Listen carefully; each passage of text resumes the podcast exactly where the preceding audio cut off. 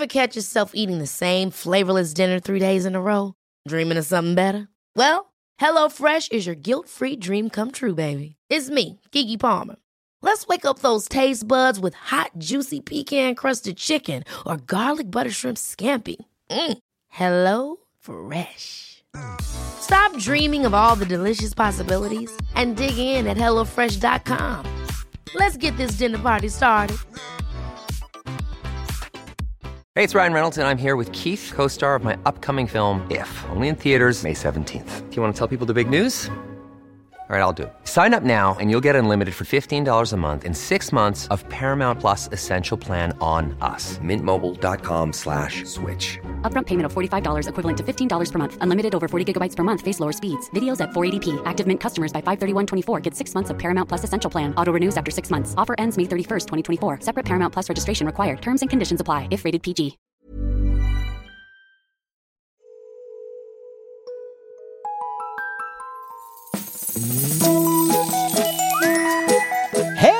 Hello kids och välkomna tillbaka till podcasten Mina vännerboken. Nu drar jag. Kommande vecka drar min egen första feta festliga standup-turné äntligen igång. Alldeles egna, ja, Marcus Tapper följer såklart med som förkomiker och omoraliskt stöd.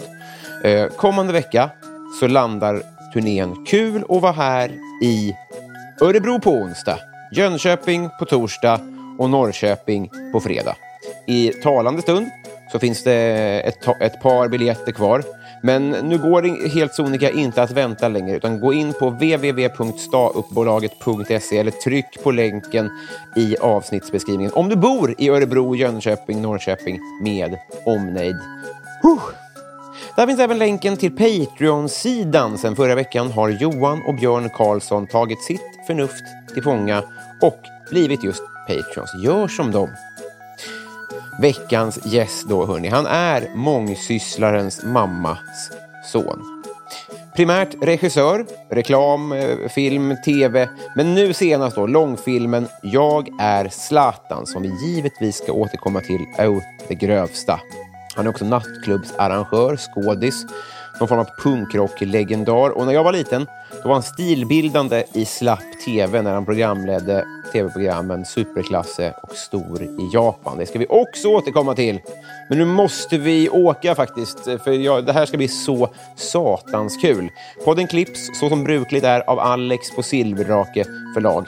Väck nu den björn som sover så Björn inte missar det här därför att 215 sidan i Mina vännerboken Jens Sjögren!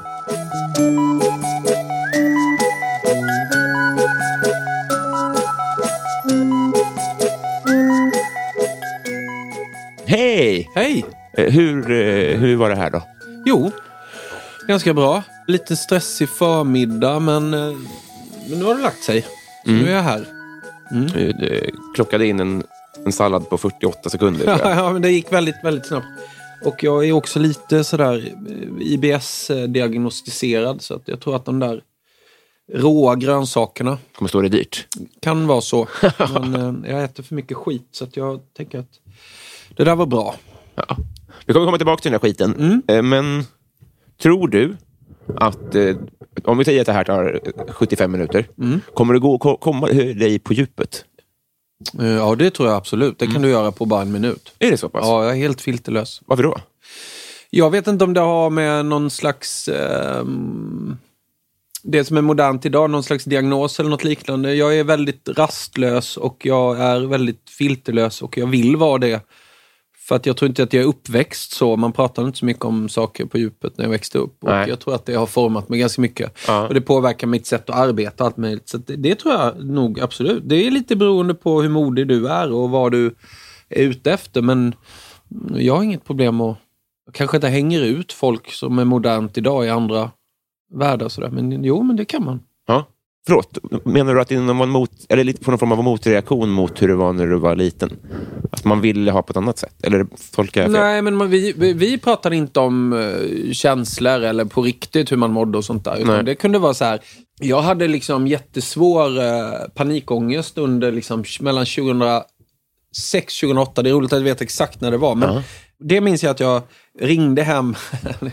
min, jag vet ju att min mamma inte lyssnar på poddar, men då kunde jag ringa och säga "Ja, jag mår ingen bra, jag vet inte vad jag ska göra med det här. Jag blir rädd för den här känslan. Liksom. Jag, jag känner inte igen det.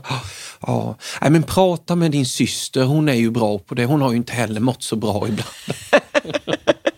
Det, är så här, det är något rörande i det ju, såklart. Men det gör väl också att man då kanske inte vill göra samma sak med, i sin relation eller med vänner och sånt där. Umgås du med folk eh, som du kan prata med allt om? Oh ja, min, min hustru som ju står mig såklart väldigt kärt, som jag har, har fått dela mitt liv med länge nu, liksom, är ju verkligen så. Hon lärde mig att vara filterlös. Ja. säga. Det tog vi hand på direkt när vi träffades. Sådär. Jag, hon sa, jag är inte mina föräldrar, nej jag är inte heller mina föräldrar. Och jag, jag mår inte speciellt bra nu, okej vad är det då? Så vi möttes verkligen i en stund när det var ganska dåligt. Så det gjorde att eh, vi kunde verkligen mötas i det. Sen har jag ju en av mina absolut bästa kompisar, Per Nordmark, eh, som också poddar, Nordmark-poddar, vill jag trycka lite på. Han är En viktig konkurrent till mig. en väldigt fin ja, eh, person. Han är helt fantastisk med det. Han Mm. kan verkligen bara gå rakt in på det. Så han, han och jag pratar ganska ofta om sådana saker. Jag tror att det har varit en killgrej, att killar inte eh, ringer och pratar känslor med sina kompisar och säger att det säger mer om mig. Ja, Så nej, men så kan det väl vara. Man vill ju bara inte vara sitt kön hela tiden. Man vill ju också vara en individ. Liksom Mm. det där, när man pratar med sina föräldrar. Så det känns som att man kanske blev fostrad som en, ett, en pojk mer än ett barn. Ja. Nej, så var det inte. Så var det inte alls. Alltså, men det är, ju, det är ju relativt tydligt, för så är det ju än idag. Men man, jag har en sån där scen som återkommer till mig hela tiden. Det är ju liksom när min fru ligger och vi pratar om någonting. Och så börjar hon gråta. Och då tänker man ju så här, ja det är lite lättare för dig och jag. Jag har väldigt svårt för att... Då, då, då blir jag så här, eftersom jag är lite så då, en ADHD-person så blir jag så här, "Ugh, okej hur fan ska man göra med det här nu?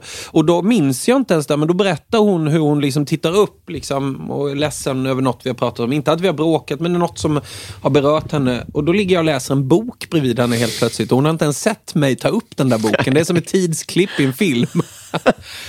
Det är något jag inte är stolt över. Och Nej. den bilden kommer tillbaka till mig hela tiden. Att jag försöker jobba aktivt mot det. Liksom. Att, Nej, men var med, i, var med i stunden, lyssna. Du kan också... Som, att jag gråter aldrig till exempel. Det är en jättesorg i mig. Jag, jag, jag har jättesvårt för att gråta. Och när jag väl... Det går bara inte. Och det är väl också en sån uppfostran. Så det jobbar jag också aktivt med jättemycket. Per är jättekänslig till exempel. Han kan säga älskar dig. Oh, gud, det tycker jag är jättepinsamt. Kan du säga det till mig? alltså, jag blir ju jätteglad. Ja. Men det är jättesvårt för mig att säga tillbaks. Älskar dig Per. Ja. Nu sa du ju det. Ja, nu sa jag det, men nu är han ju inte här. men, du- men mä- mäter man verkligen känslor eller grå? Alltså jag tänker, vissa har väl Nej, bara... det gör man inte. Men jag känner ju att det vore skönt ibland. Jag har ju suttit på begravning och allting och bara liksom jobbat emot när man skulle bara vilja släppa ut Har du jobbat emot det till Ja, ja. Då fattar Ja. jag. Ah, ja. Fan vad dumt. Är det någon... eh, Ja, men det tror jag är lite sån maskulinitetsgrej. Ja. Det känns lite larvigt. Så här, fan, det behöver man inte göra nu. Liksom. Fast att jag, ja, jag är lite tudelad där, som alla människor. Eh, Alla bra porträtt i film är, jag har ju liksom dualitet på det där sättet. Mm. På tal om film då. När jag skrev till dig första gången så... så eh, då, då, då, jag vet inte, hur, hur länge har du varit aktuell med den här Zlatan-grejen? Eller hur länge har det varit en... Ja, men det är väl över tre år fick Ja. jag väl frågan första gången och sen kom det en pressrelease då, press, pressrelease eh, där det stod att jag skulle göra det och sen har jag ju fått leva med det där till och från liksom. Det har kommit frågor, det är bababa. Men sen har det väl varit det sista året då från förra september när den skulle ha haft sin premiär fram tills den fick sin premiär för en och en halv månad sedan. Eller sånt. Ja, snart två månader sedan. Är du trött på att prata om det? Ja, men både och. Jag hade liksom några intervjuer med engelsk press inför att den har premiär där. Och det, då, då fick jag liksom ny energi, för de var så jävla mycket mer pålästa, tycker jag, än andra intervjuer jag gjort. Och de frågade inte bara, vad sa Zlatan? Har du träffat Zlatan? Hur är Zlatan? Du vet sådär. Utan det handlade mycket mer om filmen och hur har ni jobbat med fotbollen? Varför blev det så här? Varför, Du vet. Men jag är pisstrött. Det känns jätteskönt att den är ute. Jag är inte jag är Zlatan. Jag gjorde, jag var med och regisserade. Ja, men precis. precis. Eh, Men har, har du något... eh, Vill folk att du gör press om den? Är det, är det så? Ja men så var det ju innan premiären såklart Mm. och det gör jag ju jättegärna. Jag vill att så många som möjligt ska se den. Det är en jättefin film liksom. Den är superberörande och, och allmängiltig på alla sätt. Ja. Liksom, I ett valår och allt sånt. Det är en bra matiné liksom. Ja. Vem som helst kan gå och se den. Och, eh, Vad betyder en bra matiné? Men en bra matiné betyder för mig att den går inte att se om den ska få sin fulla kapacitet så går den inte att se på sin hemmabio eller någonting. Utan den ska upplevas ihop med andra människor i, mot en stor duk. Alla val vi har gjort med filmen handlar om att den är plåtad på ett visst sätt. Vi har liksom nästan genant tagit i med ljudläggning, historielinen och allting. Liksom. Mm. Och i det finns det då en berättarteknik som också är så att man försöker lyssna in en historia. Att jag minns när jag kom till Malmö Arena, liksom, jag stod utanför den där arenan. Som berättare blir jag ju då så, antingen gör man en arthouse-film och bara är nära hans känsla, eller så försöker man liksom beskriva det genom bild. Ställa den här lilla killen framför den stora arenan, mm. följa honom fram genom korridorerna tills han kommer ut på Malmö Arena, liksom hans drömmars mål. Mm. Det är klart att inte han kom hela vägen ut, men i en matiné så gör han det. För mm. man vill liksom förkovra sig i känslan han har när han beskriver i boken. Liksom. Mm. Uh, och att det finns konventionella slut, att han får gå ut på Amsterdam Arena ja. på slutet. Så här. Men det ska berättas på mitt sätt. Det ska mm. berättas med en viss socialrealistisk ton. Liksom. Mm. Det ska vara välspelat, man ska ta kidsen på allvar. Mm. Ungdomar idag har alldeles för få filmer att inspireras av. Mm. Det tror jag är ett jättestort problem om man ska vara helt ärlig. Mm. Jag menar IT, om du tittar på den idag, den går inte liksom negligeras. Det är fortfarande en av de mest välberättade filmer ur ett barns perspektiv som har gjorts. Mm. Det döljer sig liksom en separation där som inte är som vanligt så här, mamma och jag ska skilja oss. Eh, och så, så, blir du jätteledsen. Ett barn fattar ju inte ens Nej. det. Ett barn behöver inte ens reagera på det. Nej. Man pratar inte med sina barn på det där sättet. Nej. Och jag tycker att en, en bra matiné är när man som vuxen sitter och blir översköljd med att se hur Zlatans pappa sitter framför tvn och ser sitt hemland bombas sönder. Mm. Men barnet ser ju bara, varför, är, varför var han så arg plötsligt mm. och så så fruktansvärda grejer till mm. honom? Då kan det skapa en diskussion och så här. Samtidigt som i en matiné så finns det plats för en, den här scenen när han gör åtta mål. Mm en arthouse-regissör säger nej det där blir för löjligt, det ska vara liksom bababa. Medan jag älskar den känslan. Mm. För det gjorde ju, blev ju som någon slags katarsis för honom, även att han var barn. Mm. Så, så, är det ju en sann så länge det kontrasterar mot att sen pappan kommer in och tar åt sig äran. Mm. Men han var inte ens där. Jag kan älska mm. sånt. Och jag måste säga att i filmen så finns det faktiskt saker som är väldigt, väldigt subtila, som inte ens recensenter upptäcker mm. när, och, och, och, men barn gör det. Mm. Eftersom den är filmad ur ett barns perspektiv så ser barn det. Och jag älskar också det att man inte riktigt förstår allt som händer. Och det återkommer ju han till i boken. Plötsligt var en polis där, men jag vet inte varför. Det var ingen som berättade Nej. något. Det fastnade jag mm. jättemycket för, för så tror jag många av oss upplever en mm. uppväxt. Och i en matiné så finns det inte heller för mycket plats med att den vita regissören, manlig oftast, ska liksom göra någon slags pornografi över förorten. Det är det värsta jag vet. Mm. Vi måste ta ett mycket större ansvar för det där i Sverige. Det är liksom ett jävla liksom demoniserande över orten eller, eller landsortsbor porträtteras mm. på ett sätt och sådär. Mm. Det ville inte jag. Jag tog Nej. bort allt. Så här. Han tittade inte på sina på sin bostad med så här, vilka höga hus det vad läskigt det är. Han sa ju så här, en av de få trygga platser jag fortfarande har med mig, det är att jag växte upp där. Ja. Sen blev det läskigt. Ja, just det. Tack så du Det är vi som ska tacka. Jag, tycker den var pissebra. Sen är inte jag recensent. Jag, jag, ska inte, jag vet inte vad, vad, mitt betyg är värt, men jag älskade den verkligen, verkligen, verkligen. Ja, vad kul. Eh, och det, det, här med fotbollsscenen är ju intressant. Mm. För jag har, jag har återkommit... Alltså, kompisar som gillar fotboll och alla stör sig så himla mycket på när fotbollsscener är dåliga på film.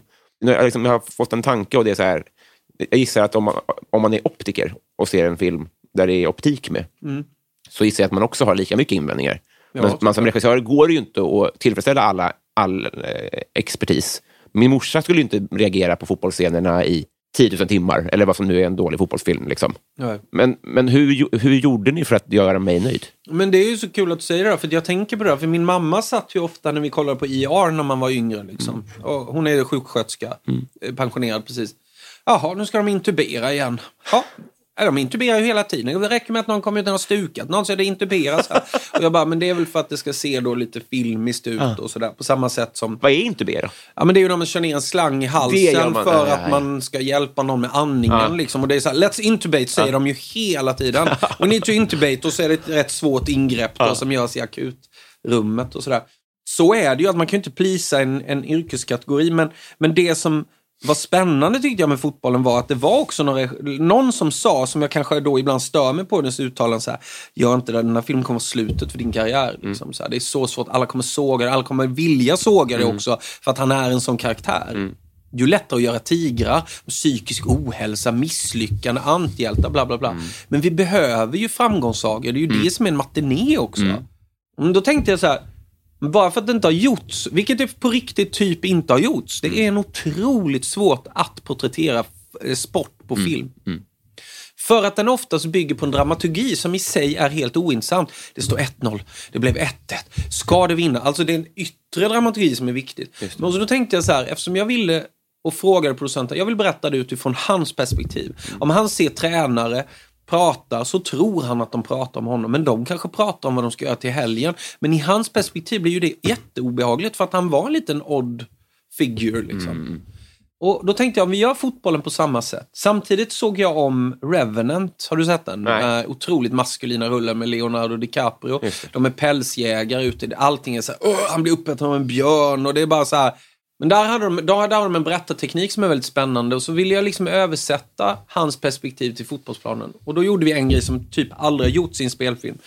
Vi tog steget ut på fotbollsplanen från att ha stått på sidan med långa gluggar, alltså ihoptryckt sådär, och följt det där. Så klev vi in på fotbollsplanen. Ja, det var ju lätt, det första steget. Vänta nu, nu har vi jättemycket barn runt oss som vi kan typ döda på riktigt med en kamera. På riktigt så skulle det kunna ske. Men jag vill vara där och jag vill kunna vrida 180 grader eller 360 grader och följa bollen i långa svep och så vidare. Så att man känns som när man dansade slamdance, eh, tror jag det hette, när Nirvana kom i början på 90-talet, så dansade man in i varandra. Och jag minns den här känslan när man var mitt i det här morspittiga så här. Och så tänkte jag så här, fan vad spännande det är att vara nere på fotbollsplanen för jag ser ju inte vem jag ska passa. Nej. Fan vad svårt att vara fotbollsspelare. Nej, Vi älskar ju fotboll båda du och jag. Vi tittar ju mycket på fotboll liksom och så här plöjer Premier League och Champions League. Man sitter ju där, men slå i! Slå bollen liksom. Och ju mer jag var på plan med dem och ju mer jag fick svepa runt med kameran och ha vidvinkligt istället för de här täta gluggarna så blir ju karaktärerna större och närmare. Helt plötsligt så kändes det som att man var inne i liksom någon slags slagsmål, dansaktig grej liksom. Och det var så svårt att göra. Vi skadade folk, vi skadade oss själva. Det var jättesvårt att bara säga, vad ska teamet vara då? Om vi ska kunna filma 360 Ja. grader. Ja, det, det, var, det var så komplicerat. Mycket mer komplicerat än vad man tror. Liksom. Det är inte så, så komplicerat som det var att göra, känns det ju inte som. Men det gjorde att det blev organiskt in i filmen. Istället för att nu kommer fotbollen, här var det en match, så filmar vi så här. Istället kunde vi filma fotbollen på samma sätt som jag följde honom hem från en match. Ja. Och det gjorde att den växte ihop, liksom. att det blev inte ett olika element. Liksom. Och sen så skapade ju Emil då, och, som är passare och Gösta fotograf, massa maskiner för att göra det jag ville. Liksom. Ja. Och sen hade jag Jens Östberg med mig som också är en fantastisk regissör, som är danskoreograf från början. Som så här, fan jag skulle vilja komma åt det här, okej då måste han passa bollen dit och ba, ba, ba, ba, ba. Så det var många element som ledde fram till, om vi följer hans perspektiv så måste vi vara på planen, inte vid sidan av planen. Det var nästan som, det finns en scen i filmen när kameran petar upp i himlen så kommer en boll farande som han tar ner på bröstet och vrider runt. Hamnar ofta som Zlatan gjorde, beskrevs av tränaren, ham- hamnade ofta vid sidan. Trocklade med ryggen mot mål. Och de var så här, du gör inte mål där, du måste gå mot. Precis som Tony Flygare gör, du måste springa mot. För de som inte vet, och det var ju hans bästa kompis som var mycket bättre än honom tidigt och sen misslyckades på ett hemskt sätt. Sådär. Och det var ju som att det kom en granat från genom luften som bara... Och, och de här skallningselementet är en jättelång tagning som jag höll på mycket med och ville ha i ett tagning. Och jag ville kunna vrida ner kameran mot han som blev skallad Ja. och skulle blöda. Och det var ju att vi kastade en trasa som han skulle... Det var väldigt simpelt. Ja. Men, men det var ett väldigt kul sätt att jobba på. Jag, det är en av de grejerna jag är oerhört stolt över med filmen. Att den ändå tar det det tar för en fotbollsspelare eller vilken idrottsperson som helst att bli den man är. Det är ju inte så frambrättat i filmen, men hur det är att bara vara på plan när det regnar, ingen är där och tittar. När f- idrott är som sämst. Ja. Det finns med Ja. i filmen. Och jag älskar det att det inte var så här, ingen slow motion, inga bicicletas, ingenting. Det är kampen liksom. Viljan, orken att bara säga, okej jag fortsätter lite till. Det var, det var otroligt, otroligt svårt, men så lärorikt. Men just den där eh, nerven jag själv har i kroppen hela tiden vill jag ändå skulle finnas där. För så upplever jag Zlatan, en otrolig rastlöshet i sig. Liksom.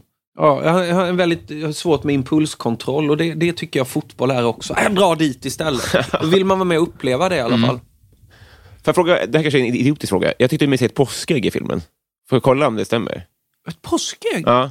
I, hemma hos mamma? Eller? Nej. Hemma hos Jurka? Nej. Nej. Alltså, alltså, nej, utan eh, är det Ranelid som kommer cyklande? Va? Det, det är inte det. Nej. jag, var helt, jag tänkte bara, fan vad kul om det är meningen att ni är, är...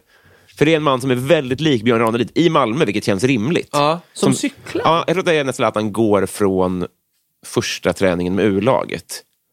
Så kommer det en man i vit så här, kostym och, och som är väldigt solbränd. Och sen så känns det rim och som, som ser ut som en yngre Ranelid. Som är så här, Men gud vad intressant. Vad vad fan? Har han ett påskägg? nej, nej, alltså, det, är det, det är ett påskägg, alltså gömt i Easter egg. Jaha, nu fattar jag. Jag, jag, jag, du vet, jag är så jävla autistisk så jag bara, okej det är ett påskägg i filmen. Vad fan Och det han bär runt och på, på. Ja, Ja, förlåt, det var otydligt. Nej, nej, Ranelid är inte med. det är- nej, det var ju en bra idé för sig. Ja. Du är liksom två år för sent med dina, dina bra förslag. Tre gånger har jag hört dig prata om, tror jag, och det är inte, det är inte kritik, utan det verkar bara vara ett mantra som, du, som är viktigt för dig. Att det är den som tittar på clownen som ska vara den roliga. Mm. Felciterar jag nu? Nej. Clownen är aldrig rolig. Nej. Den som tittar på clownen är rolig. Vad betyder det här egentligen? Jag har försökt förstå. Men så här, det bästa vi har tycker jag i svensk humor, det är den svenska blicken om man ska vara så här. Det är att titta men inte våga titta. Det ligger otroligt mycket humor i det. Och att inte förstå. Och jag älskar det där när någonting sker som utstuderat är det som vi tror ska vara det roliga. Det är väldigt svårt att bygga humor med tycker jag. Så, Åh, jag snubblade här så här. Men om det står någon bredvid och bara tittar, alltså en Roy Andersson-statist. Vad är det som har hänt? Ja. Och så, ja, han måste ha trillat baklänges. Men den som ställer den där frågan, den som är så tondövt så här, bara står och tittar i bakgrunden eller inte vågar. Jag gjorde reklamfilm för Radiotjänst för många, många år sedan som blev väldigt så här, populär. Där det, de är på stadsbiblioteket och så kommer det fram en man till bibliotekarien och så säger han så här, är det du som är Ulrika Johansson? Eh, tack Katarina. Ja, ja Katarina ja. Och då säger hon så här, "Eh, är det du som är Katarina? Ja. Tack Katarina! Och så börjar de sjunga och så är det ju radiokören då som, så skrev vi en låt och så skulle vi, och så filmade vi det där som att det var smygfilmat. Ja, men allting det, är regisserat. Ah, fan! Bara- okej, ja. Ja, men alla gick på det. Det är ju Ja, bra gjort. fortfarande. Men alla de man klipper in som står och tittar över axeln och så här vänder runt i några böcker och tittar så här, är ju så fruktansvärt mycket roligare än det som är kärnan i filmen. Och, och det där tycker jag alltid är så här. Det finns ju en scen i Zlatan-filmen när de är hos rektorn där. Rektorn säger ju inte jättemycket, men det är ju ändå hon som initierar mötet. Men hennes blickar mot det här som händer. Och när pappan frågar så här, vet du vad Zlatan betyder? Då är det en sekunds paus där hon så himla gärna vill vara så pass internationellt och med att hon, det är klart att hon vet vad Zlatan betyder. Och en blickutbyte mellan henne och den här, otroligt subtilt, men så här, hjälp mig här. Det är de bitarna som blir så fruktansvärt roliga. Det är väldigt svårt att jobba med replikhumor. Jag tycker situationshumor är såklart mycket enklare. Du är ju väldigt bra, ni på, på Svenska nyheter skriver ju ut, men det är ju mer som en monolog Såklart, också. mm. Så här. Men just när det ska vara organiskt in i en scen, då är det oftast mycket lättare att bygga det utifrån att den som beskådar liksom hela ärket Ja. är oftast den man kan vila humorn emot. Ja. Nu fattar jag. Ja. Vi ska bli kompisar tänkte jag. Mm. Kul. Ja, hur är du som kompis eh, generellt? Eh, Hur jag är som kompis? ja. Jag tror att jag är ganska trofast. Eh, jag tror att de känner att jag ställer... Att jag gillar att ställa upp. Jag gillar på riktigt att hjälpa folk att flytta och sånt där. Jag gillar att vara fysisk. eh, Sådär. Jag kan nog upplevas lite för rak. Eh, kanske. Men jag tror att jag... Jag månar väldigt mycket om mina vänner och jag blir väldigt ledsen när de är ledsna eller går igenom något. Och jag upplever att många av dem kan komma till mig och prata om det. Jag tror att jag kan vara en ganska trygg person. Mm. Har du ett Ja. gäng? Ja, det vet jag inte. Men jag, jo, vi är ju ett litet gäng som höll på med musik innan och vi har nära kontakt. Jag, jag har också ofta känt att jag är lite det här, vad heter det, FOMO och grejer. Att man, vad gör ni där borta? Och så vilket gör att jag blir nyfiken på folk och sådär. Erik då, Johansson skådisen som jag delar lokal med där vi är nu. är ju en väldigt ny vän till mig. Vi har ju känt varandra lite grann eftersom vi rört samma. Jag tycker vi har blivit väldigt nära och fina vänner och kan prata om ganska mycket. Mm. Apropå då vad som hade hänt på toaletten här innan. Ja, just det. Han hade ställt till det lite. Ja. Ehm, och det tror jag beror på att jag, jag tycker om att vara social på den nivån. Mm. Jag går inte på fester så ofta, jag går inte på liksom större grejer. Men just det tycker jag är, är kul. Så jag, jag kan väl uppleva som... Sen tror jag bitvis att jag är ganska kul att vara med. Mm. Och, och eh, utmattande vet jag att flera tycker. Eh, att jag liksom... Vad betyder det? Ja, men att om jag dricker en Coca-Cola då, då blir jag helt gränslös. Liksom, och väldigt så här... Bla, bla, bla, bla, så råkar jag slå någon på pungen. Eller, liksom, eh, ja, Det är så. Fan vad svårt. Jag vet inte riktigt hur de ser mig. Men jag tror, att jag, de, jag, jag tror att de ser mig som en ganska trygg person. Där de kan komma och...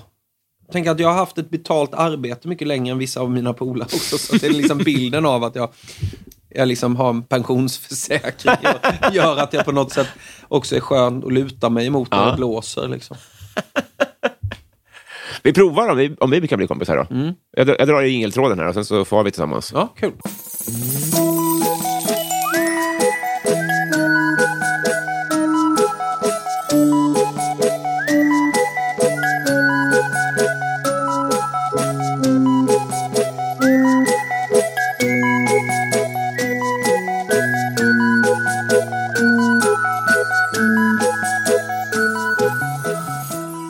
Jens, Ja. vem får ofta höra att du är lik? Janne Schaffer har jag hört. Janne Schaffers dotter. Jag tror inte han har en dotter, men det har varit ett skämt. Nej, inte så lik. Jo, eh, eh, Dinosaur Junior-sångaren. Danius. Dinosaur Junior-sångaren. Ja. Hur gammal är du? Jag är född 90, men jag kan väl... 90? Ja. Är du född 90? Mic drop. Herregud. Ja. Okej, det var ett supercoolt band. Ja. Eh, Ja, men det ringer nog. Men, eh, och, för då hade jag såna glasögon och det där långa håret. Ja. Och sen finns det en karaktär i en barn, jätterolig barn, eh, eh, dock, som heter Höjdarna. Som den här Petter Lennestam och de. Ah. Eh, ja, fantastiskt. Det Lipton eller? Lipton. Ja. Jätte... Ja. Och också lite ängslig, för jag kan vara väldigt ängslig Ja. och paranoid och, och sådär. Så det fick jag höra av väldigt många. Pressa in Lipton som andra namn på ett eventuellt barn. Det är så jävla bra namn. Ja, verkligen. Han är så älskvärd också. Hade du gissat att jag var född 76? Eller? Nej, verkligen inte. Men jag, jag skulle nog ändå kunna säga att du, du har en spelålder som vi säger inom film på från eh, 85, Ja. men inte över 90. Nej. Du skulle inte kunna spela yngre än 90. Nej, nej, Vänta, nej, vad blir det då? Du är 30? 32? Ja. Ja, men du, ja, men du är verkligen din ålder. Nej, men du får Men man få skulle, det. men, Jag men vet jag skulle nog kunna säga att du är 35 också. Ja, men, Men jag skulle nog... 28, 29? Nej, verkligen Nej, nej. inte. Jag skulle nog gissat på 87. Ja.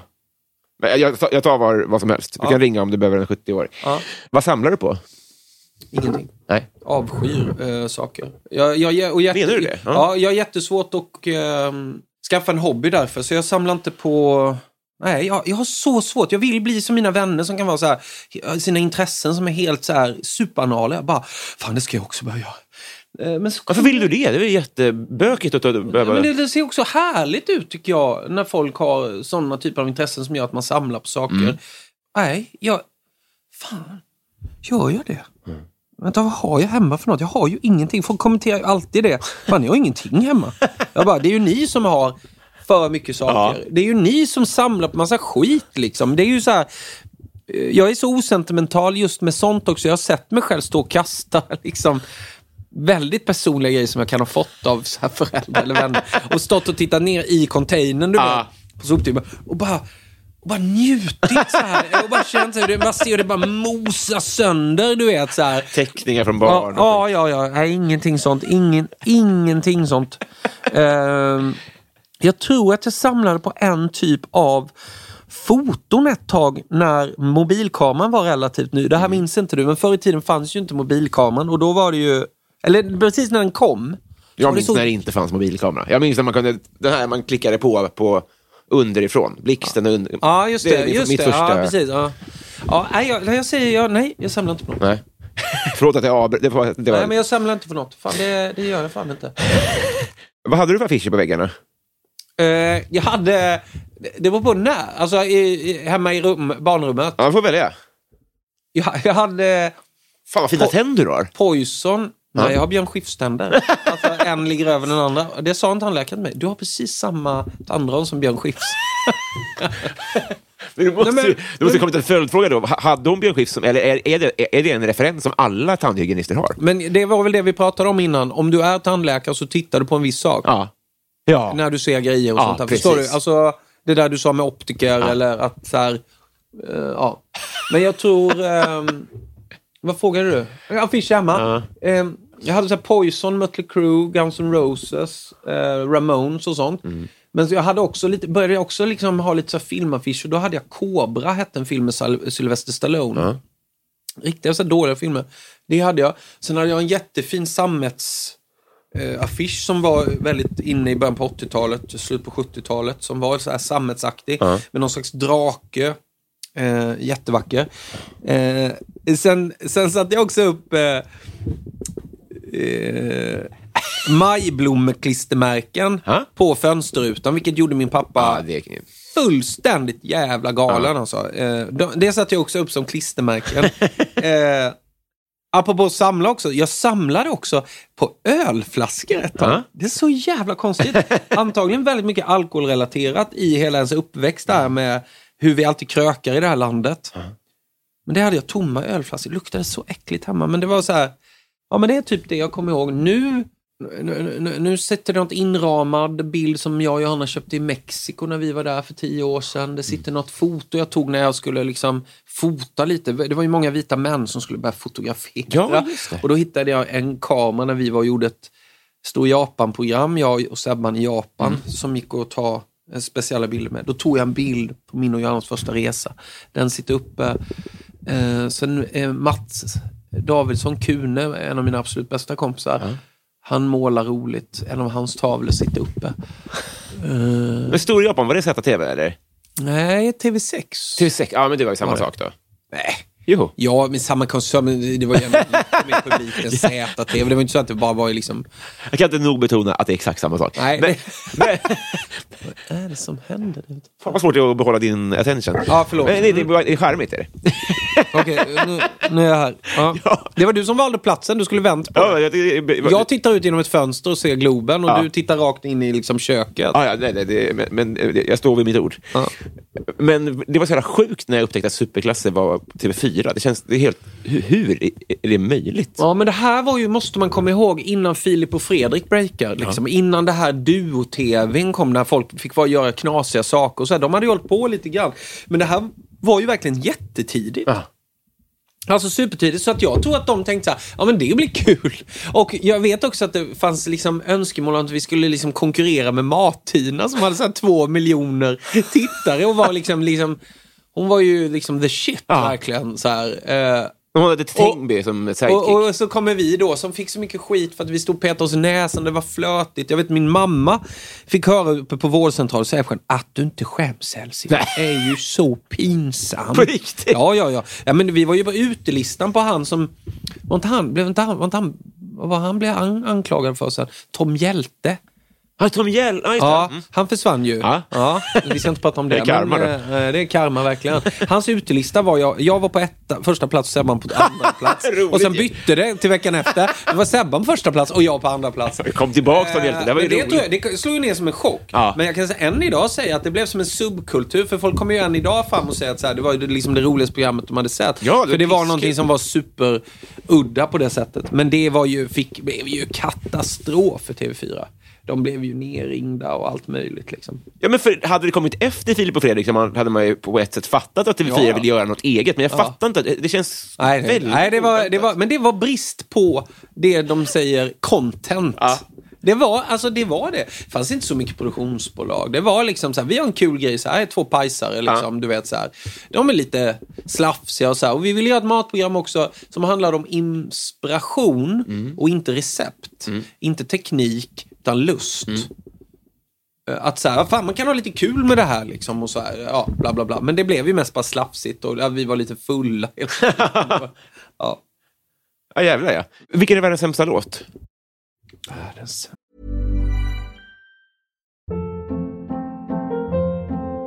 Hold up. What was that? Boring. No flavor. That was as bad as those leftovers you ate all week. Kiki Palmer here, and it's time to say hello to something fresh and guilt-free. Hello Fresh. Jazz up dinner with pecan-crusted chicken or garlic butter shrimp scampi. Now that's music to my mouth. Hello Fresh. Let's get this dinner party started. Discover all the delicious possibilities at hellofresh.com. Hey, it's Ryan Reynolds, and I'm here with Keith, co star of my upcoming film, If, only in theaters, May 17th. Do you want to tell people the big news?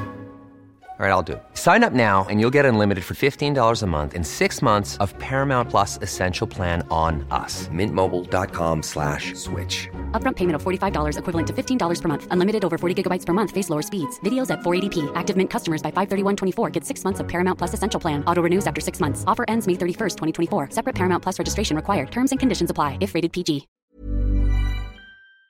Låt, vet du, vad fan kan det ha varit?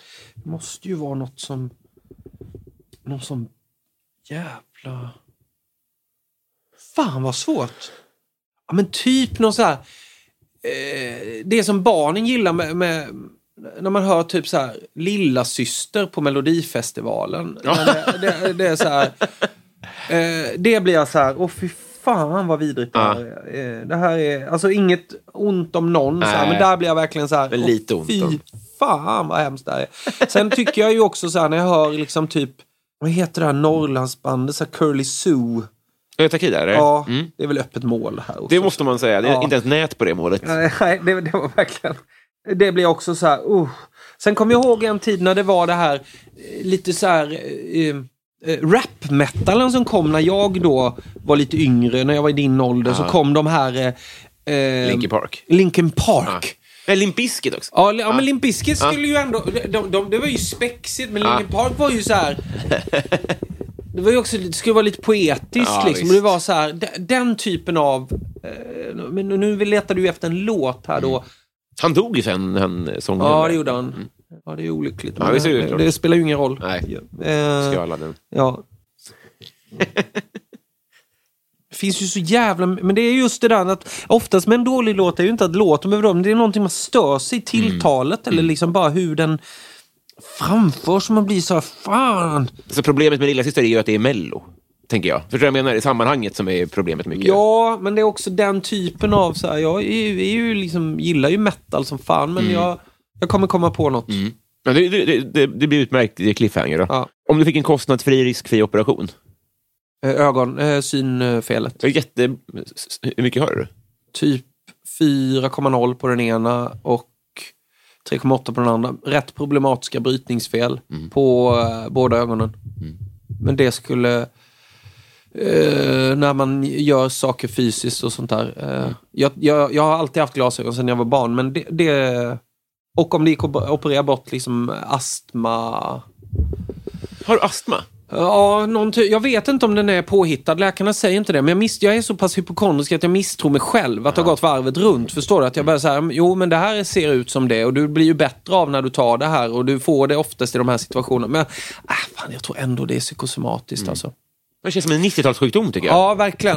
Skulle man kunna operera bort det hypokondrin, då hade det ju varit som en dröm. Men, Ja, det. men annars rent fysiskt skulle det vara äh, lätt synen alltså. Ja. Men- Jag har också en för trång näsborre som gör att jag på riktigt, det här låter som ett skämt. Det här är ju en sak som man försöker få in i, i serie och film. Näsvissel. ja, just det. Just det. Vet du vad jag menar? Att det är så här, Mm. Och det är jävligt tydligt på mig.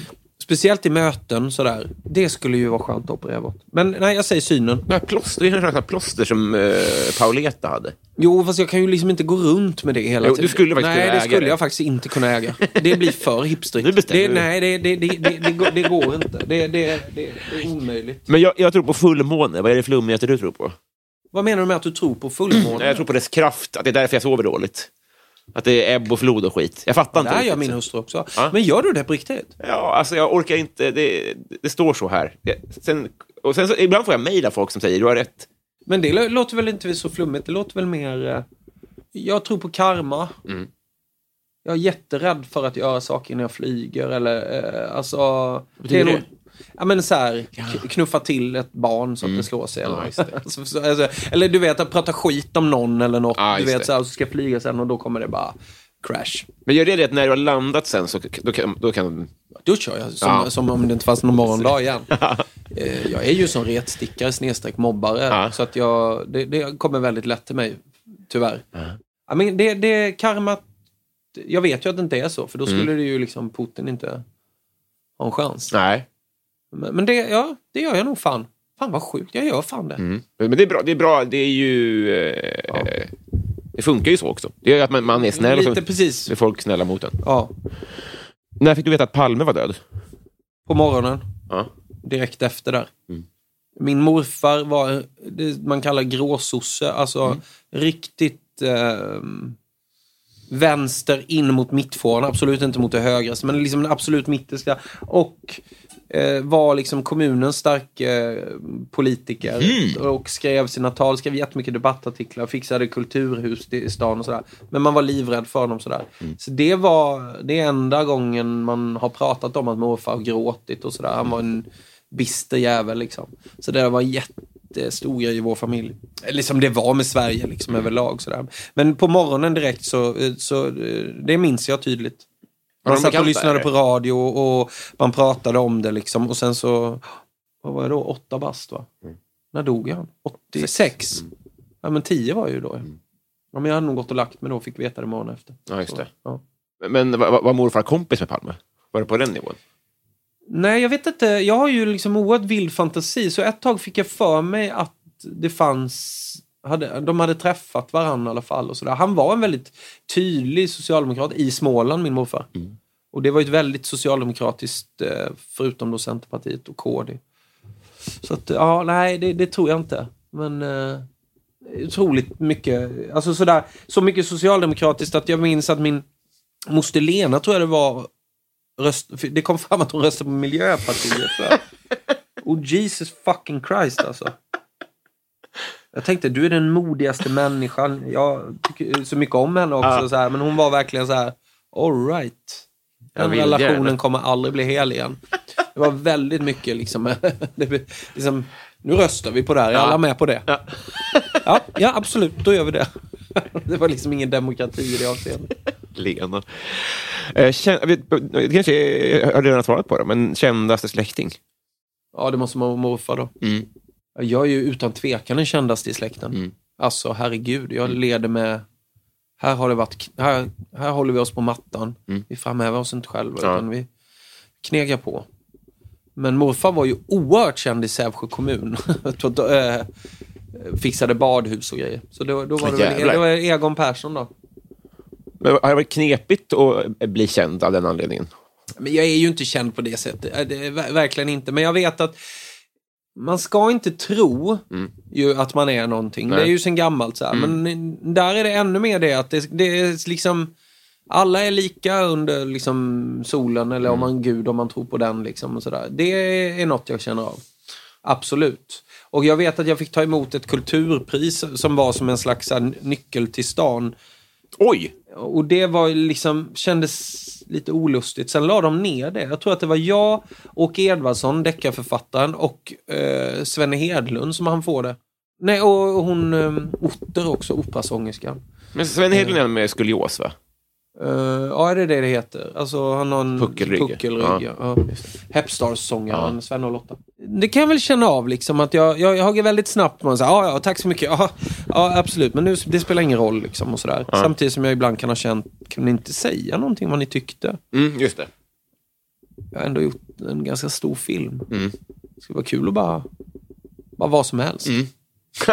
Jag känner igen. Alltså, jag, jag, jag förstår det. Ja, det, liksom, det är nästan lättare för en smålänning att säga så här, pappa tyckte jättemycket om filmen. Mm. men ja, men så är det väl lite. Jag, ja, men det där är ju svårt överlag. Men jag ser mig ju inte heller, jag är inte känd på det sättet. Jag är liksom långt, långt där nere, så det är inte så problematiskt så. Men jag, jag kan ju tycka ibland att det har varit fint också att det har funnits en stolthet i från ens hembygd. Att så här, man har synts och gjort någonting. Men då kommer man ju till det där uttrycket, så här, men du är lite kändare mer än oss dödliga. Och då blir det känsligt. För så ska inte ett samhälle se ut. ju. Nej, precis. Utan eh, nu gör det ju det för att alla som är kända rider ju på att de kan jobba med det sådär på ett annat sätt. Men, men det, eh, det kan väl vara lite sådär att man får vara lite, tycker jag, försiktig. Jag tycker i och för sig inte är något negativt om jag ska vara helt ärlig. Nej. Men du nämnde det när superklass, om det var snack på morsans jobb och Mm. sånt där. Nej, Men, eh, Ja, men det är väl jobbigt såklart de gångerna jag kände att när det blev sådär att, att för en mor läsa så här, kan ingen bara stänga ner den där flötiga jäveln? Kan inte han bara tvätta sig och hålla käften? Liksom? Du vet, det var en ganska rå ton redan då. Även att man är glad att man inte är ungdom och gör tv idag. För det vet jag inte vem som ska klara av. nej. Det tycker jag är sorgligt så det smäller om det, liksom, vad fritt det är. Men det kan jag väl känna här ibland att... Eller liksom man gör någonting och så sågas det. Liksom. Hur, hur känns det som förälder? Och det vågar de väl inte riktigt beröra. nej. det låter man vara. Men det är väl klart att jag ibland tänker att om min son Joey skulle göra någonting och så skulle han bli liksom toksågad för det. Eller liksom riktigt så här. Gud vad jag skulle tycka det var hemskt. Ja, visst. Och för jag vet, även att man känner så här, som är superglad. Vi sket ju på eh, handen på hjärtat fullständigt i det då. För man var så jävla så här, äh, vi bara kör. Och vi hade ändå så mycket fans och så pass stor publik så att man sket i det. Liksom. Ni fattar inte. Och det, jag, jag har ju rätt. Vi låg ju långt före vår tid. Det, det, det, det vågar jag säga. Liksom. Det är ju ni som hade fel. Ni fattade ju Nej, inte. exakt. Det var en ny sorts liksom, gestaltning bara. Men visst fan har jag tänker på det ibland att mina föräldrar har ju inte valt det där. Men jag känner ju också nu... som du gjorde ju inte porr liksom. Nej, men som den Zlatan-film. Nej, men det är också, du måste ju också förstå att jag växer upp Mitten på 70-talet föds jag när Sverige är supersocialistiskt. Man glömmer hur socialistiskt det var. Alltså det var så här blå, vitt, man skulle inte fram med folk, du vet, man, man hade liksom hemmasydda jeans utan bakfickor och det var liksom så här Inget problematiskt alls, men alla skulle vara lika liksom. Min mamma trodde jättestarkt på det. Att när O'boy kom och sånt där och det inte stod chokladdryck längre, då var det så här, men då kommer ju vissa kunna ha det och andra det här. det här. Jag säger inte att det här är rätt, men så här var hennes Visst. tro liksom. Och så kom då videovåldet, musiken och sånt där. Vi hade inte VHS hemma, vi fick inte ha det. Jag fick inte titta på V. V då för alla dina lyssnare är liksom en serie som, som, som polariserade Sverige. Att hälften av alla ungdomar fick se V. Det handlade om några ödlor som var utklädda till människor som kom till jorden och liksom eh, koloniserade jorden. Och det var jätteläskigt, så här, men det blev en snackis. Så hälften pratade om det på skolgården och resten av oss stod bara var helt dumma i huvudet, fattade ingenting. Och det var mycket sånt som skrämde dem och så är det ju med mig idag. Så här, ska Joey sitta och bara glo i en mobil? Ska, Du vet, bla bla bla. Så vi sprang ju då, jag sprang till Ronny Brandman som var liksom, eh, han, han var några år äldre än mig, hans farsa var brandman, därför efter han brandman i efternamn.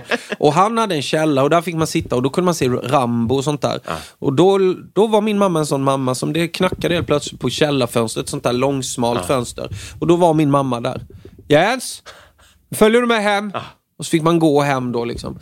Och då menar jag bara liksom till alla er som fostrar barn. Det är ju inte säkert att det är rätt väg fram. Nej. Jag respekterar rädslan, 100%. Den går inte att skratta bort. För att man visste inte så mycket liksom. Men hur ska det här påverka generationer och sådär? Det störde som fan Men- på videovåldgrejen. Ja. Att det, med facit i hand så var, så eh, var det jättemånga av er som överlevde. Men då visste man, föräldrarna till, till er visste ju inte Mm. Nej. om det skulle eskalera, att ni Nej. skulle börja slåss. Nej men det var ju också så. Det var ju liksom en kanal växte upp. Eller liksom, du vet, ettan, tvåan. Liksom. Sen bara exploderade utbudet. Liksom, du vet. Huvudet på dem exploderade ju. Men jag menar bara att sen blev jag reklamfilmsregissör. Alltså jag gjorde reklamfilm sen för O'boy, McDonalds. Allt det här som mina liksom, socialistiska föräldrar var ju den amerikanska imperialismen som var ett rejält hot. Och inte ryssen liksom.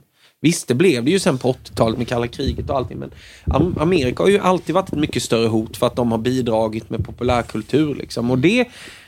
Eh, vet, varför pratar vi om det här? Kommer jag inte ihåg. Det var Nej. kul. Ja, det var kul. Men, men, men det, det, då, jo, men apropå det då, liksom sen, att då, då sen sitta och visa sin showreel, alltså en, när man hade ihop, klippt ihop, när man gjort tillräckligt många reklamfilmer i början på 2000-talet, så kom, åkte man hem och så visade man det för sina föräldrar. Och då märkte jag så här, ja, det är ju bra. Men det var något som skavde i det liksom, för att det var en viss typ av företag och sånt där. Men då tänker jag, min uppväxt kontrasterar ju det något djävulskt Ja, liksom. gud, ja. sådär. Och hur jag jobbar med film och sådär. Men sen när jag gjorde Zlatan nu, då var det som cirkeln slöts. För att de tyckte så himla mycket om den. Och det var lätt för dem. Min första film var rätt udda och liksom, det blandade väldigt mycket. Det var inte så många som såg den. Och den hade de lite svårt att ta sig till tror jag. På ett annat sätt. Men här var det verkligen så här att de... Och då såg jag att de var stolta och de kunde uttrycka det. Och då var det som cirkeln slöts liksom på något sätt. Och då tror jag de kände så här. Ja, tänk att våra barn kan göra i stort sett vad som helst. Det är inte hur vi fostrar dem utan det är liksom valen de själva gör. Liksom. Intressant. att- Jag, jag, jag kan, kan störa mig själv på min jakt på kanske min pappas bekräftelse Mm. för det jag gör. Men kanske en drivkraft också.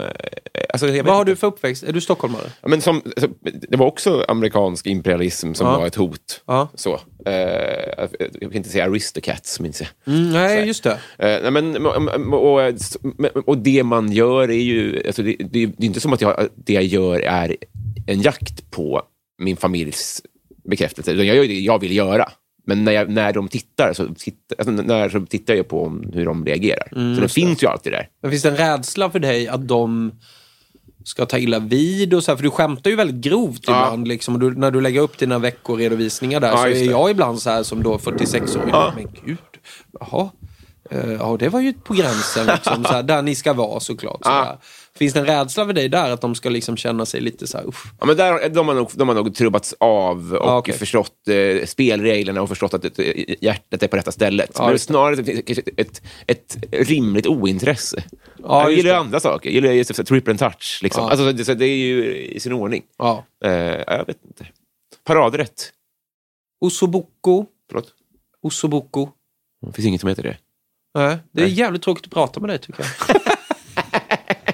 jag tycker du eh, kan... Eh, eh, men det är en italiensk rätt. Ja. Eh, Vad är det då? och Janssons frestelse, Jaha. ja. det är min paradrätt. Mm. Det är jag en jävel på att göra. Ingen slår mig där. Nej. Ingen. Och det har att göra med min farmors gamla, den jag slicear upp potatisen med, någon gammal sån Molière, eh, Molinex, Molière, Molinex-grej. Det, det jag fan bäst på Jansson. Jag blir tokig på när jag ser andra och möter Anders Ja. Jansson och bara, ni har inte fattat grejen överhuvudtaget. Det skulle jag säga är min paradrätt. Men är det en julrätt? För det är sällan man ser det annars. Eh, vi, vi, som smålänning så äter man det året runt. det är så alltså. Jag kunde mötas av det en onsdag och farsan dukat fram det och dricka en öl och nubbe till. Och Ja. det väckte verkligen så här. Min pappa kan inte laga mat. Han gjorde fläskfilé, tagliatelle kom på 80-talet. Och crème fraîchen kom till Sverige. Jag vet inte när, det är Carl Johan De som har sagt det till mig någon gång. Han bara, jag minns när crème fraîchen kom. Det var fantastiskt. Han var jag älskar crème fraîche. Och det gör ju jag också. Men det minns jag när pappa, han kunde bara trycka ner det i stekskyn. Ja. Och så blev det en sås. Ja.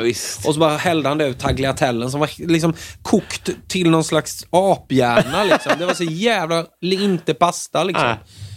Men hur han bredde sin knäckemacka och skivade ost och drack den här nubben och åt sin Jansson. Mm. Det är så här för mig, Ja, jag blir så här, jag känner hur det börjar rinna i... det kurrar ja, faktiskt. Ja, eller hur? eh, så, och, och den har jag förfinat, förfinat, förfinat. Det kan du fråga Per Nordmark. Vi vill inte ge varandra cred för varandras matlagning, för han är också oerhört bra på att laga mat. Ja. Men där är han så här, nej, det finns ingen som är i närheten. Så det är Janssons frestelse. Wow. Eh, har du varit i Romme alpin någon gång? Eh, nej. Nej. Nu har vi kommit fram till Patreon-frågorna. Var det frågan om? Är det uppe i... Vad jag sa? Ja, Borlänge Borlänge. Nu, är det, nu har vi kommit fram till Patreon-frågorna. Så nu ska vi se vad, vad, vad lyssnarna har för frågor här.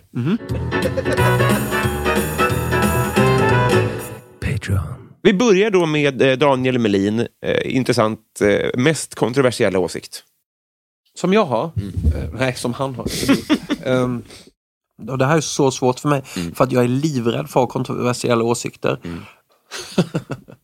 Jag börjar skämta direkt. Låt en grabb vara en grabb. Nej, vad fan skulle det kunna vara? Ja, men det är nog kanske att jag... Att en viss typ av aggressivitet är god. Det är svårt för mig där. För det där är jag uppväxt med en farsa som var väldigt eh, tuff i det sättet och hade en ganska aggressiv sida. Och jag har också det i mig. Men ibland känner jag att jag är så nära den och att jag är vän med den. Men den spiller ju ibland över och gör att jag gör folk rädda eller du vet. Men jag kan ändå inte tycka att jag njuter av den lite och att jag tycker ibland att en liten bit av den aggressiviteten är för något bra. Även i en barnuppfostranssituation. Det här är väldigt eh, kontroversiellt. Mig. Eh, jag vet inte riktigt jag nystar in med det. Det är den ena grejen. Den andra grejen är väl, ska vi verkligen tävla i musik? ska vi verkligen tävla i film och humor och så vidare? Nej. Eh, Det är ju inte en kontroversiell åsikt, det tycker jag ju verkligen. Vad i helvete är det vi håller på med? Eh, Varför betygsätter vi varandra? Ehm, Ja, även så. Det är och, inga eh, galor eller? In- Nej, Ingenting sånt? nej. Bullshit. Mm. Men jag kommer ju säkert vara där sen ändå. Och betyg i skolan. Ska vi ha det? Mm, eh, Är det, inte, det kanske inte ens är kontroversiellt. Jo, jo, det är bra. bra. Det, det, var, var, det var en trestegsraket här. Ja, det, det, det, det känner jag mig väldigt tveksam till. Eh, Självkänsla är det enda som gör att vi klarar av att leva livet. Och Där är frågan om vi ska dömas ut för att vi inte... För att man har tvåa i allmän matte är det enda jag bär med mig från skolgången. Jag minns inga floder, eh, någonting. Nej. Men jag minns att jag var sämst i, på Avgårdsskolan i matte. På hela skolan? Ja, ne, ja, det skulle jag nog säga. Kanske att Andreas Bjärro var lite... så- Nej, inte Andreas. Eh, ja, skitsamma. Men eh, det är kul Shoutout. att hänga ut andra också bara för att man själv var dålig. exakt. Men för er som är yngre då, allmän matte var ju alltså, det fanns särskild matte som var för de som var lite mer begåvade och sen fanns det allmän matte för oss som var liksom lost cause istället för att peppa och sådär. Men det är verkligen en grej jag känner så här, sk- fan, skolgången på det sättet, är det verkligen rätt väg att gå? Liksom? Podcasten Värvet eh, vill att du berättar. be- Beskriv din bästa fotomin. Leendet. Ja. Jag är jättebra på att- att att fejkle. Ja, får se. Satan. Hej! Tja! Hej. Men jag, ibland behöver jag göra något samtidigt. Så här. Tja! Jens! Alltså, att jag kan gå... Ja, va- Eh, Men du menar inte allt det där? Va? Du menade inte det Nej. där? Nej. Men då säger min fru ibland, som är väldigt så här, ah, men nu ler du inte med ögonen. Så det är där det brister ibland. Men jag är oerhört bra på att slå på eh, det leendet. Sick... Eh, det är nästan ett partytrick. Mm. Eh, Johan Dykhoff undrar, vilken hushållssyssla är roligast och tråkigast?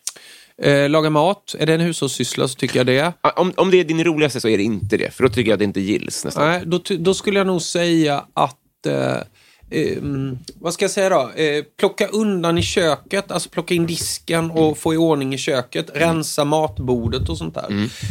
Putsa fönster är ju roligt också, även att man inte gör det så ofta. Men det tycker jag verkligen är så här eh, kul.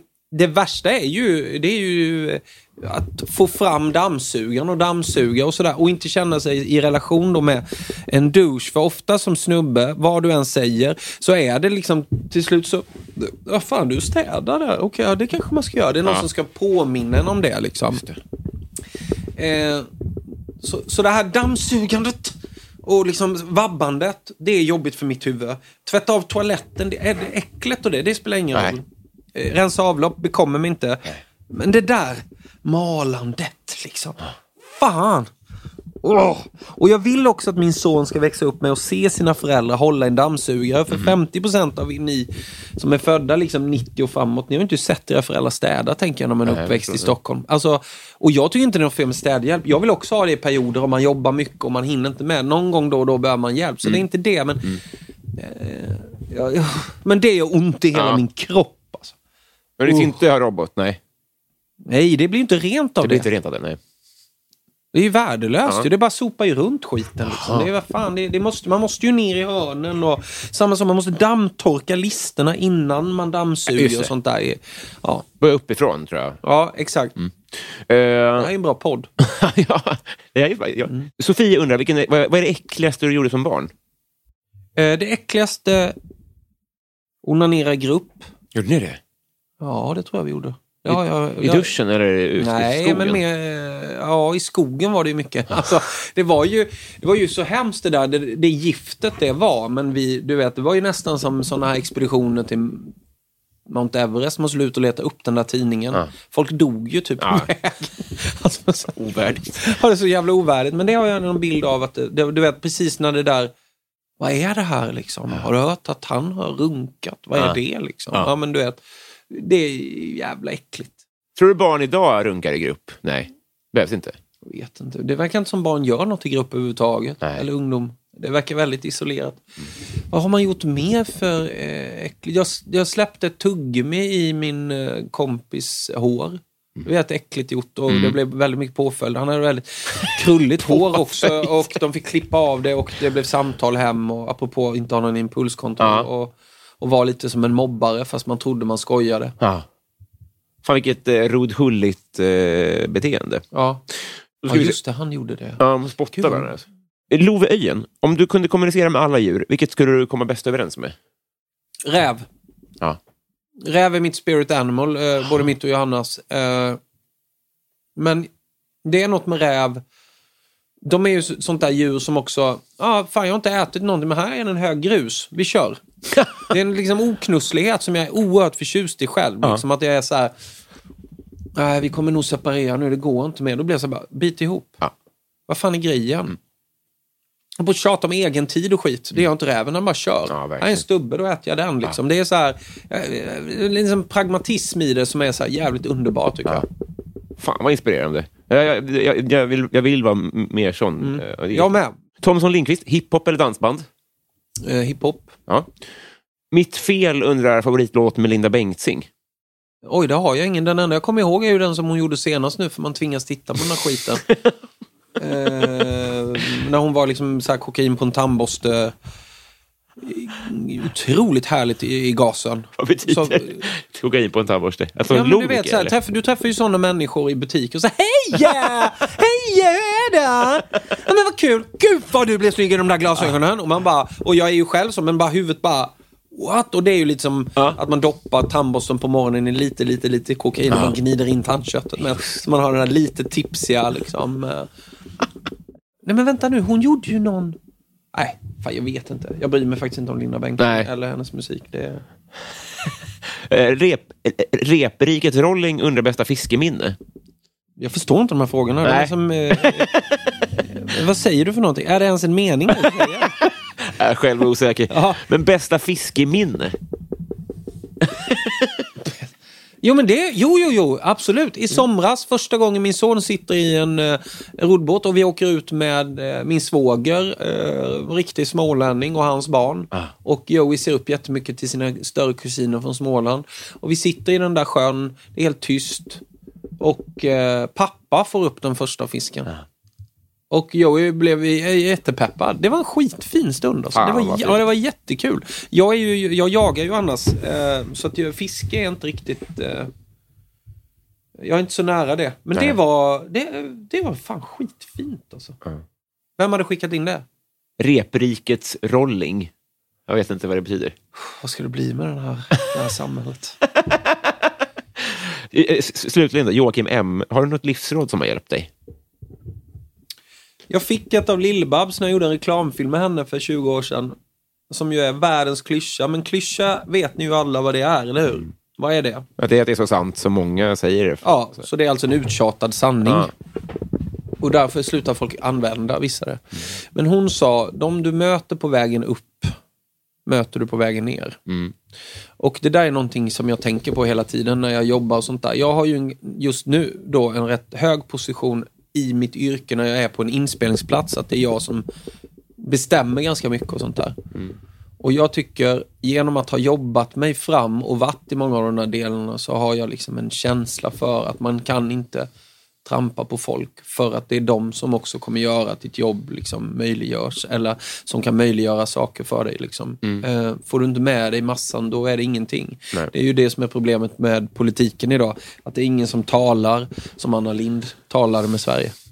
Och det tror jag är en grej. Och jag tycker också oftast så tycker jag låt hjärtat vara med, eller vad är det de säger i den här gamla slagen? Låt hjärtat styra över hjärnan. För, för många beslut idag så tas alldeles för mycket med hjärnan. Det är också någonting jag verkligen försöker göra. Men jag tänker jätte, jättemycket, återigen för att koppla till karma, så tänker jag jätte, jättemycket på det att jag vill inte att någon går hem, och där, här gör jag, jag fel, men jag, jag vill inte att någon går hem och känner sig liksom pissad på för verkets skull. Nej. Där går jag emot alla Ruben Östlunds och alla Mm. de här. Alltså, han är säkert jätteschysst, men jag menar bara, Mm, det behöver inte ha med, med någon specifik person att göra. Men jag tror att det är sjukt viktigt att komma ihåg att den arrangör man mötte när man spelade i punkband är den som förtjänar mest respekt. Även om du nu åker på turné och på ett gig bara har tre personer, Mm. så är de, förtjänar ju de din absoluta allt. Liksom. Tveklöst. Vi har blivit kompisar. Va? Vi har blivit kompisar. Ja, härligt. Vill du göra reklam för något eller tipsa om något? Eh, jag var så jättebra barnteater med min son på Dramaten. Aha. Som ehm, Stina Vi, vi, Vish. Wiesel, Wirsén? Wirsén. Ja.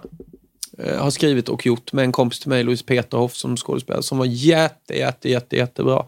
För kids och vuxna. Den tycker jag verkligen man ska se. Jag tycker man ska gå på mer bio.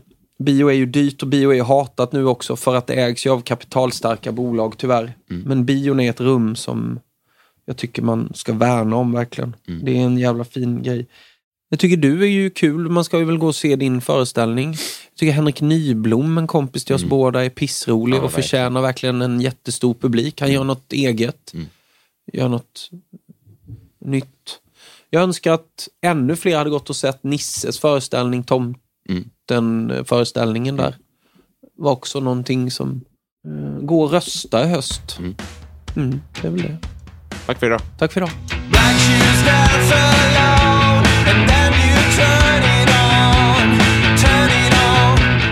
Jajamän hörni, det där var Mina vännerboken med Jens Sjögren. Vi har ett segment kvar. Idag till tonerna av Jens gamla band för övrigt.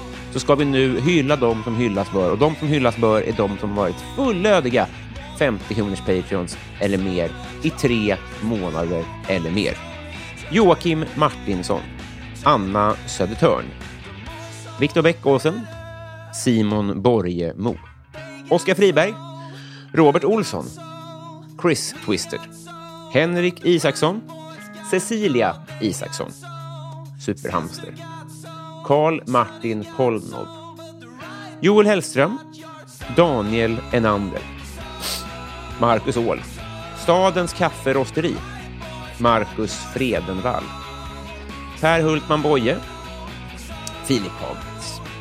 Resus Minus, Kristoffer Esping, Mikael Konradsson, Pauline Kullberg, Emil Karlsson Heurelén, Tobias Olsson, Twisted Christer, Martin Lundberg, Erik Fröderberg, Viktor Busell, Love Öjen, David Wallhult, Andreas Eriksson, Filip Axelsson, Jonas Udén, Joel B. Kall, Mange B, Fredrik Gräddan Gustafsson, Julia Helén, Mikael Wester, Fredrik Ung, Johan Dykhoff, Petter Axling, Daniel Melin, Mitt Fel och podcasten Värvet.